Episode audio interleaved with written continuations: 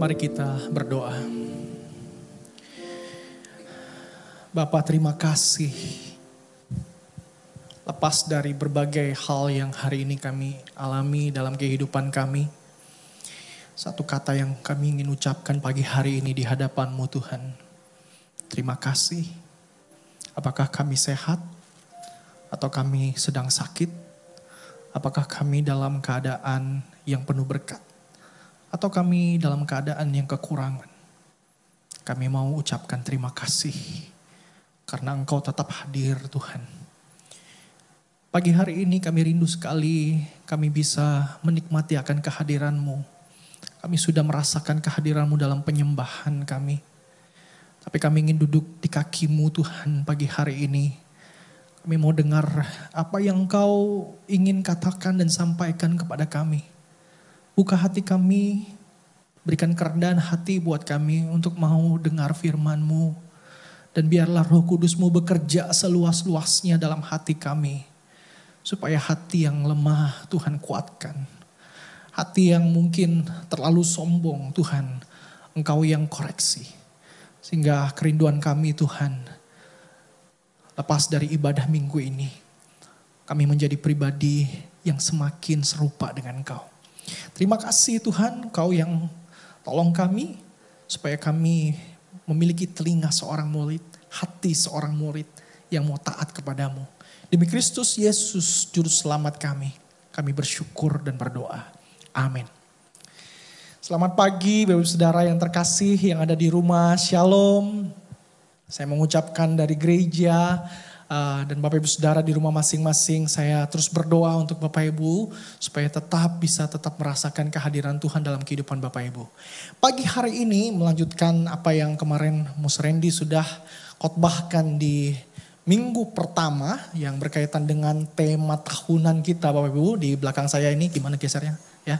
Tetap teguh dan bersyukur. Bapak Ibu ini tema tahunan kita dan pagi hari ini kita akan uh, sama-sama melihat bagian kecil daripada tema ini. Tema yang kita akan sama-sama gumulkan pagi hari inilah attitude of gratitude ya. Jadi sikap dari uh, bersyukur. Nah Bapak Ibu ada tiga kata yang penting di dalam kita menjalin sebuah relasi. Nah tiga kata penting ini sering kali kita lupa dan kita sepelekan. Nah kata yang pertama adalah hai atau halo ya. Ini kata biasa kita ucapkan untuk menyapa, untuk memulai sebuah relasi. Ya, kalau kita bertemu seseorang, kita sapa dia hai atau halo, kita ingin memulai sebuah relasi, memulai sebuah percakapan dengan orang itu. Nah kata yang kedua di dalam relasi yang penting adalah kata sorry Bapak Ibu. Jadi kita mengucapkan kata ini ketika kita melakukan sebuah kesalahan di dalam relasi atau ada sebuah relasi yang sudah uh, rusak, maka kemudian kita ingin menyambung, memperbaiki relasi itu, kita ucapkan kata sorry. Nah kata yang ketiga Bapak Ibu yang tidak kalah pentingnya adalah kata thanks, thank you, terima kasih, xie ya. Nah ini kita biasanya ucapkan kalimat ini kan untuk kita menghargai sesuatu yang baik yang kita terima di dalam sebuah relasi yang kita jalani. Nah tiga kata ini adalah kata yang sangat mendasar sekali, yang penting yang kadang kita lupa untuk ucapkan Bapak Ibu. Padahal relasi yang kita jalani membutuhkan tiga kata ini. Nah hari ini kita akan nggak bahkan bahas tiga kata ini. Saya ingin hanya fokus kepada kata yang ketiga. Yaitu kata thank you. Terima kasih. Xie ya. Jadi kata ini Bapak Ibu terima kasih ini saya katakan tadi itu adalah ungkapan kata yang keluar saat kita menyadari ada pemberian yang baik yang kita terima di dalam relasi atau dari orang lain yang menjadi lawan relasi kita. Nah hal yang sama juga yang saya, saya pikir Paulus sadari bahwa tidak hanya relasi dengan sesama yang memerlukan kata thank you, terima kasih, syukur ini. Tetapi di dalam relasi dengan Tuhan, kata ini juga sangat dibutuhkan Bapak Ibu. Tidak hanya berbicara tentang kita memberikan kata itu, mengapresiasi apa uh, pemberian yang Tuhan berikan kepada kita, tetapi juga itu akan menjadi sebuah terapi bagi kehidupan, bagi jiwa, bagi hati kita Bapak Ibu. Kita akan baca satu ayat yang sangat terkenal sekali yang Paulus tulis kepada jemaat di Tesalonika. Satu Tesalonika pasal yang kelima ayat yang ke-18. Satu ayat saja kita akan bahas ayat ini sama-sama di dalam perenungan kita pagi hari ini. Satu Tesalonika pasal yang kelima ayat yang ke-18. Demikian firman Tuhan saya bacakan. Mengucap syukurlah dalam segala hal Sebab itulah yang dikehendaki Allah di dalam Kristus Yesus bagi kamu. Mengucap syukurlah di dalam segala hal atau terjemahan yang lebih tepat di dalam semua keadaan, di dalam semua kondisi. Sebab itulah yang dikehendaki Allah di dalam Kristus Yesus bagi kamu. Nah Bapak Ibu biasanya kita itu bersyukur ya karena tiga alasan biasanya. Alasan yang pertama yang biasanya kita temukan orang bersyukur adalah begini. Waktu dia membandingkan dirinya dengan orang lain.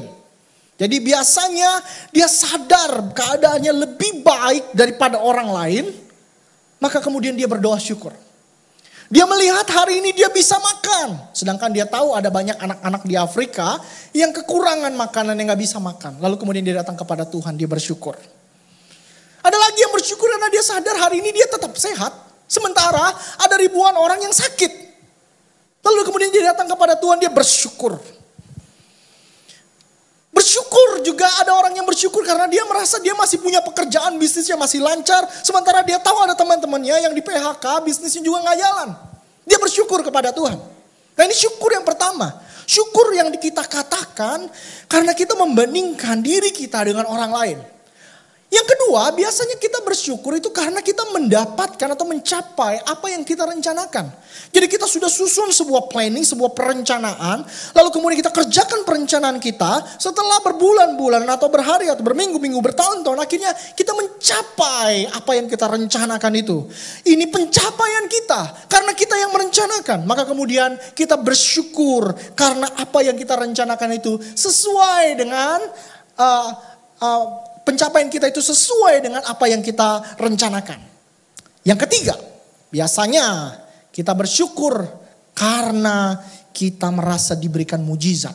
Jadi kita bersyukur itu karena kita dalam kondisi yang sulit, sakit mungkin, atau dalam kondisi ke uh, sangat terpuruk sekali, lalu kemudian kita berdoa kepada Tuhan. Kita memohon kepada Tuhan.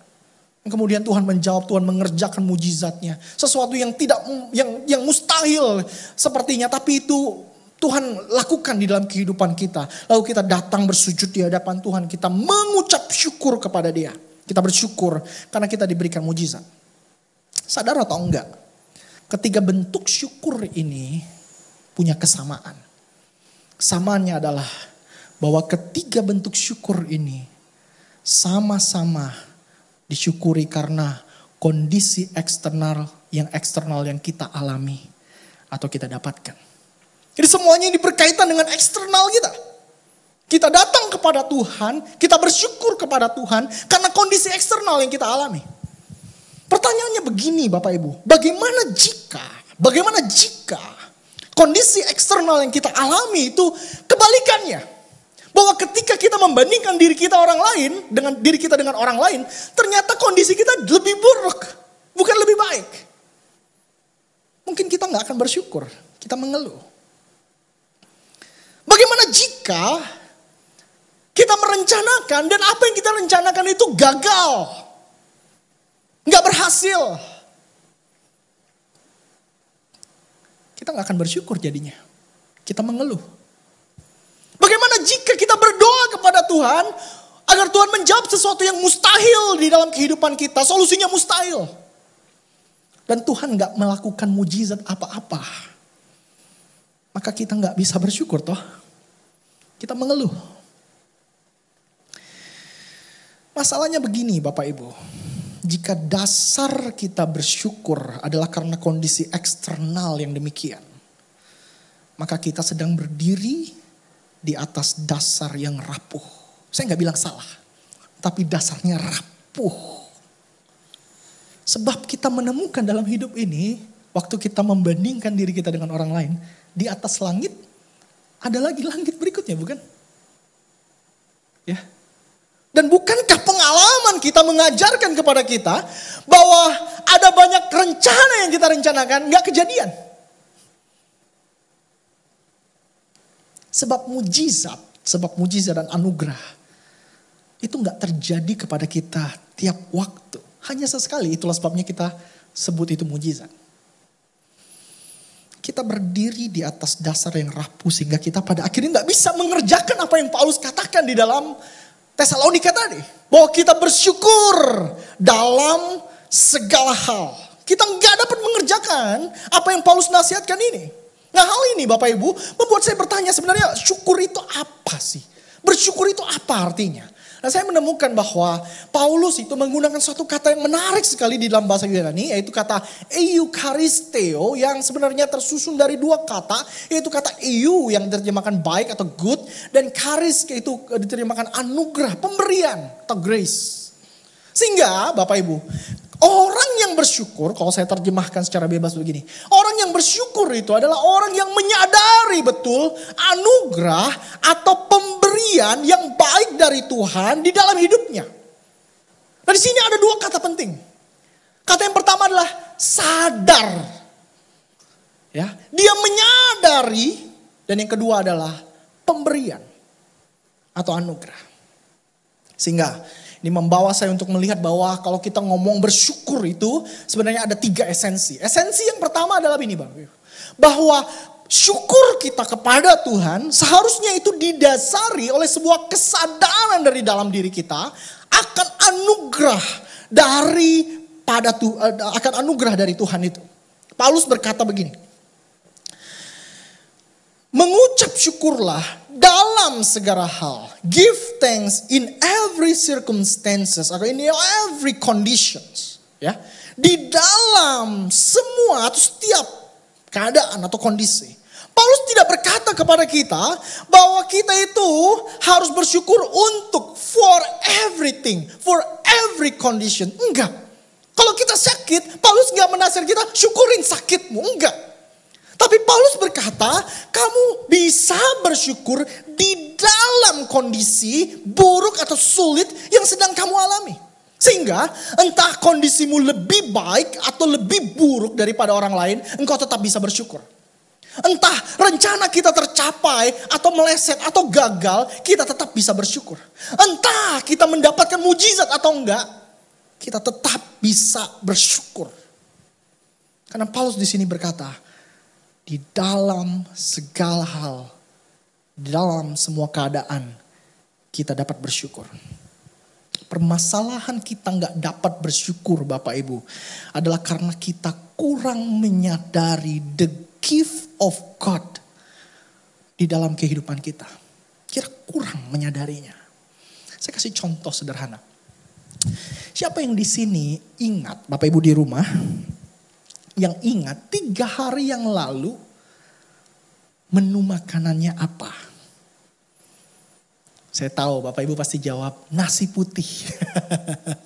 ya itu semua kita makan ya tiga hari yang lalu. Menu makanannya apa? Lauknya apa? Sebagian besar dari kita mungkin nggak inget lagi. Kita nggak ingat kita makan apa. Kenapa? Karena biasanya yang kita ingat adalah makanan yang enak banget atau yang gak enak banget bikin kita sakit perut. Kita ingat tuh.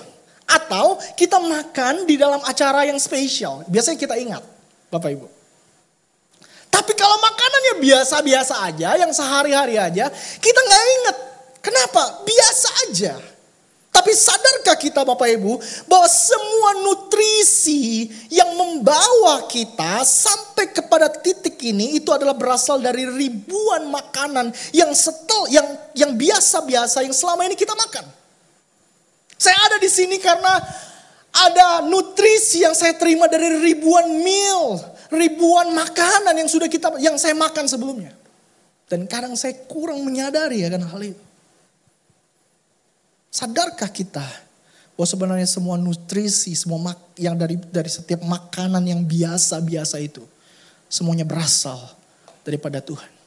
Seorang yang bernama Francis uh, Assisi, Francis dari Assisi, Bapak Ibu berkata kalimat begini, eat such things as are set before you. Jadi dia mengajak kita untuk makanlah hal itu. Makanlah semua itu.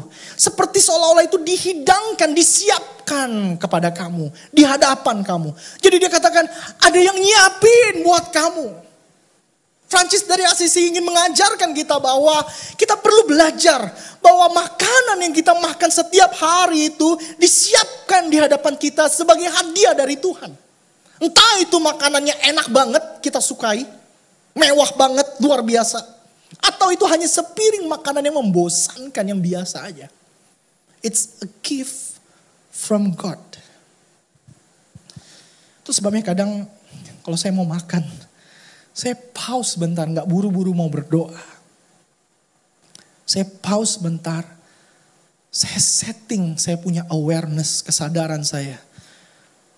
Oh, kemudian saya bilang sama Tuhan, ini pemberianmu Tuhan Waktu saya berdoa dan menyadari itu, itu makannya jauh lebih enak. Padahal menunya biasa aja. Karena kita menyadari it's the gift. Ini adalah pemberian dari Tuhan. Kita susah bersyukur karena biasanya kita kurang menyadarinya. Bapak Ibu. Namun kemudian kita tentu bertanya begini. Loh mungkin saya bisa bersyukur kalau saya itu mendapatkan hal yang menyengsarakan, hal yang menyulitkan saya, hal yang menyakitkan saya, hal yang mendukakan saya. Maka hal ini membawa kita kepada poin kedua daripada esensi bersyukur bahwa bersyukur itu dikerjakan di dalam persekutuan dengan Kristus, di dalam kehadiran Kristus. Nah, ini bagian kedua ini yang biasa kita lupa dari teks ini. Bahwa 1 Tesalonika 3 ayat 5 eh, ayat 18 Paulus berkata begini, "Mengucap syukurlah dalam segala hal sebab itulah yang dikehendaki Allah di dalam Kristus Yesus bagi kamu." Di dalam persekutuan dengan Kristus di dalam kehadiran Kristus. Karena terkadang sulit sekali kita bersyukur ketika kita mengalami kondisi yang sulit, masalah yang berat, sakit, menderita, atau sedang kehilangan orang yang kita kasihi. Kita menjadi sulit menyadari the good gift of God di dalam situasi semacam itu. Namun Paulus menjelaskan kepada kita bahwa kita harus bersyukur dalam semua keadaan termasuk dalam situasi dan keadaan yang tidak kita inginkan. Karena ada satu hal yang tetap dapat kita nikmati, yang tetap dapat kita syukuri di dalam semua keadaan itu. Apa itu Bapak Ibu? Kehadiran Tuhan. Sehingga waktu pun kita hari sedang sakit di rumah kita, kita tetap dapat bisa bersyukur. Karena kehadiran Tuhan itu tidak hanya dapat kita nikmati waktu kita kelimpahan. Waktu kita sehat. Bahkan saya mau katakan sebaliknya. Justru di dalam kondisi kita yang terpuruk. Dalam kondisi kita yang sakit. Terkadang kehadiran Tuhan itu jauh lebih kuat kita rasakan bukan? Nikmati kehadiran itu.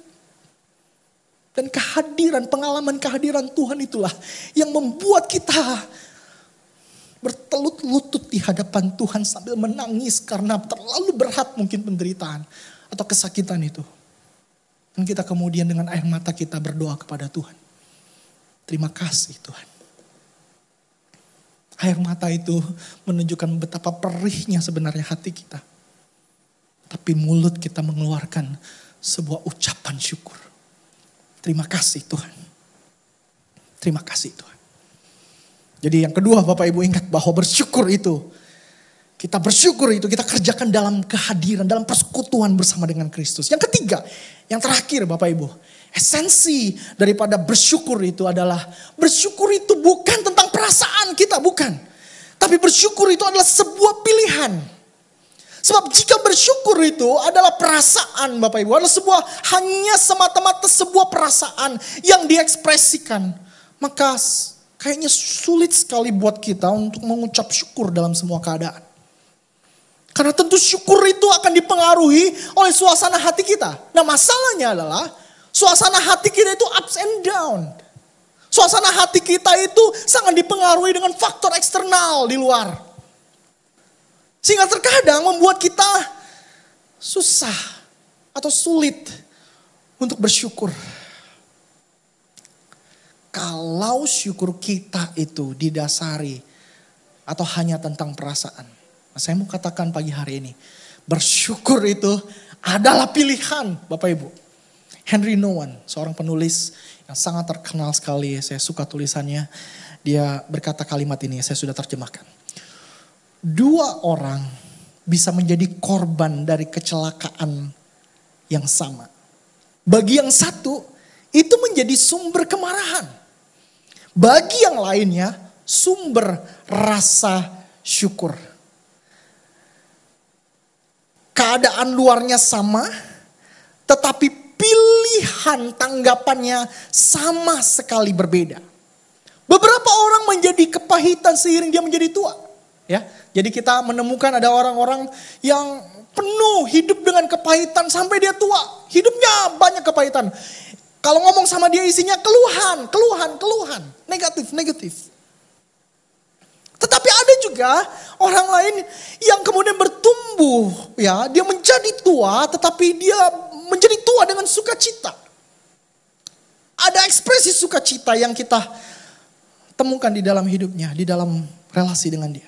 Hal ini berarti kata Noen, bahwa ada pilihan yang berbeda telah dibuat.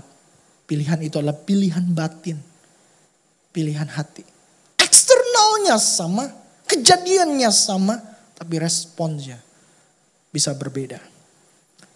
Maka bersyukur adalah pilihan.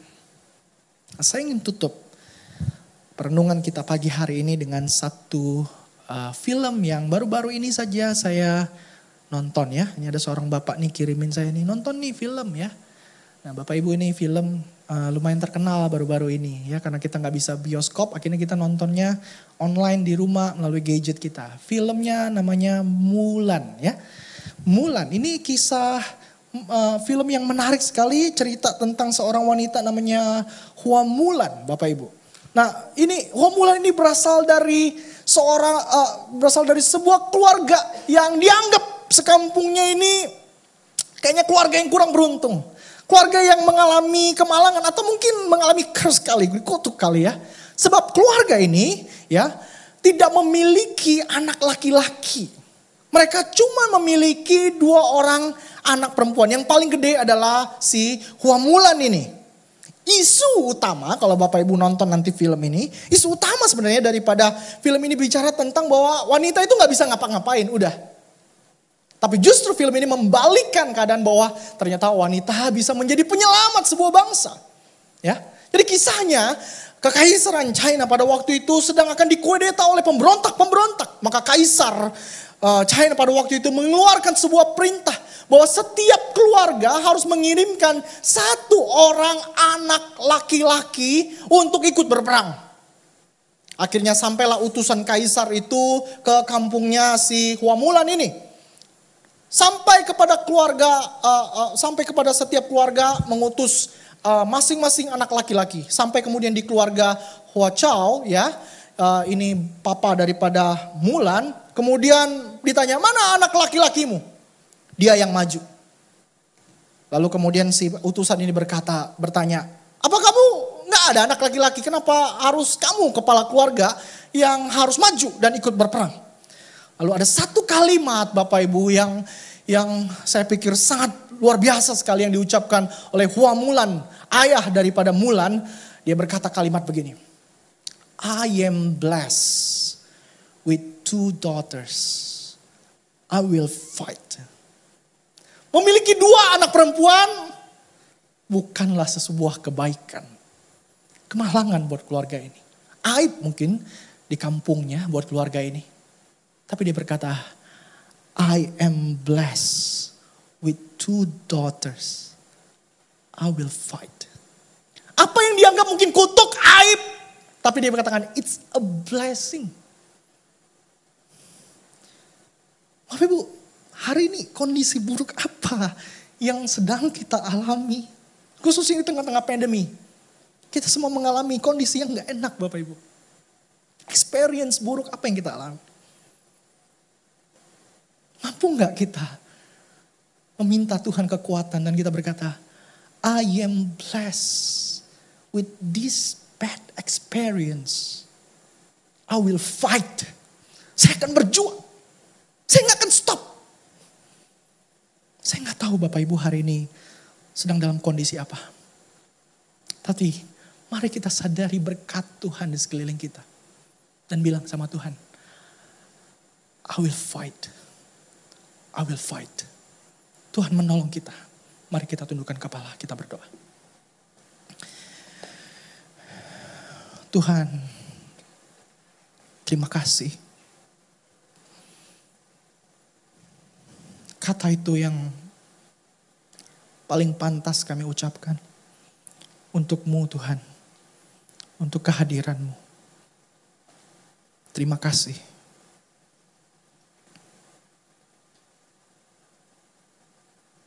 Hamamu nggak tahu kondisi apa yang hari ini sedang dialami oleh jemaatmu di rumah. Mungkin mereka sedang bergandengan tangan dengan keluarga atau sedang berdoa sendiri di kamar dalam kondisi mereka. Dan pagi hari ini mungkin dengan air mata mereka, mereka memandang Tuhan dan berkata, terima kasih Tuhan. Tuhan kuatkan mereka. Dan biarlah Tuhan yang memberikan kami kekuatan terus di tengah-tengah pandemi ini. Untuk kami terus berjuang. We will fight. Kami akan terus berjuang bersama dengan kau Tuhan yang menopang kehidupan kami. Terima kasih Tuhan. Terima kasih. Biarlah firman ini terus berbicara dari hari ke hari, waktu ke waktu. Sehingga tahun ini meskipun kami mengalami pandemi yang tidak kami prediksi sebelumnya. Dan kami nggak tahu ke depan seperti apa. Tapi hati kami menjalaninya penuh dengan luapan syukur sebab kami tahu ada yang hadir, ada yang pegang tangan kami senantiasa. Terima kasih Tuhan, terima kasih untuk firman-Mu. Demi Kristus Yesus kami bersyukur berdoa kepadamu. Amin.